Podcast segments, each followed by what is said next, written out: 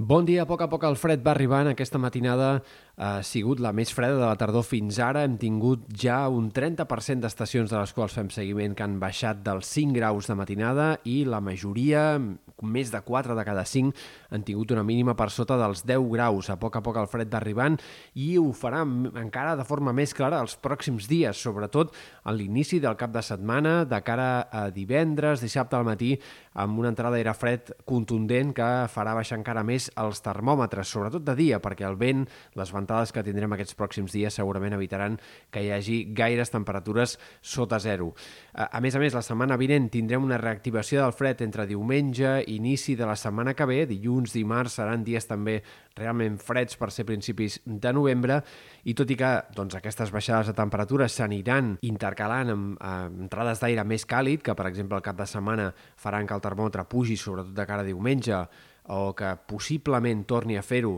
també de cara a mitjans de la setmana vinent, doncs eh, tindrem uns quants dies com a mínim amb aquesta sensació ja de plena tardor, fins i tot amb cert regust d'inici d'hivern en alguns moments d'aquest primer tram del mes de novembre. Hem d'estar molt pendents del vent en aquestes pròximes hores eh, perquè la pertorbació Kiran començarà a manifestar-se de forma molt activa, especialment en sectors de França i el Regne Unit, on hi ha avisos fins i tot en alguns departaments del nord-oest de França de color vermell a causa de les ratxes de vent que poden superar els 130 km per hora i del temporal de mar que hi haurà associat a aquestes ventades, però també al nostre àmbit tindrem cops de vent importants aquests pròxims dies. De cara a aquest dijous, avís del Servei Meteorològic que afecta gairebé la majoria de comarques eh, sobre la possibilitat de cops de vent que superin els 70 km per hora. El perill més alt de moment s'entreveu sobretot al Pirineu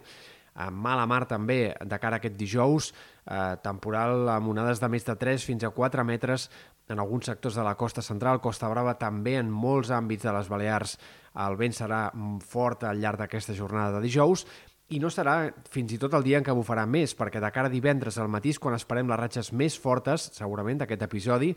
en, especialment entre el camp de Tarragona, punts alts del peralitoral, sectors del Penedès, eh, podríem esperar en aquests sectors eh, del centre i sud de Catalunya algunes ratxes de vent que superin els 100 km per hora. Per tant, atents a aquesta situació de cops de vent eh, molt forts de cara divendres al matí, especialment en aquestes comarques centrals i del sud. I després, durant el cap de setmana, no acabarà de desaparèixer el vent, sinó que seguirà bufant amb alguns cops de més de 50-60 km per hora en moltes comarques, fins i tot amb ratxes més fortes en punts alts del Montseny, de la Serrada Transversal o del Pirineu. Per tant, cal tenir en compte també aquest aspecte si es té previst fer muntanya durant el cap de setmana. Pel que fa a l'estat del cel, aquest dijous arribaran pluges associades a la pertorbació Kiran, sobretot entre el migdia i tarda, eh, poc o molt acabarà plovent gairebé a la majoria d'indrets, amb quantitats que poden arribar a superar els 5-10 litres en diverses comarques centrals eh, del Prepirineu, sectors també del Pirineu Oriental, tot i que les quantitats més importants tornaran a caure altre cop en sectors del Pirineu Occidental, de la Ribagorça, el Pallars, Vall d'Aran i molt especialment el Pirineu Aragonès, que és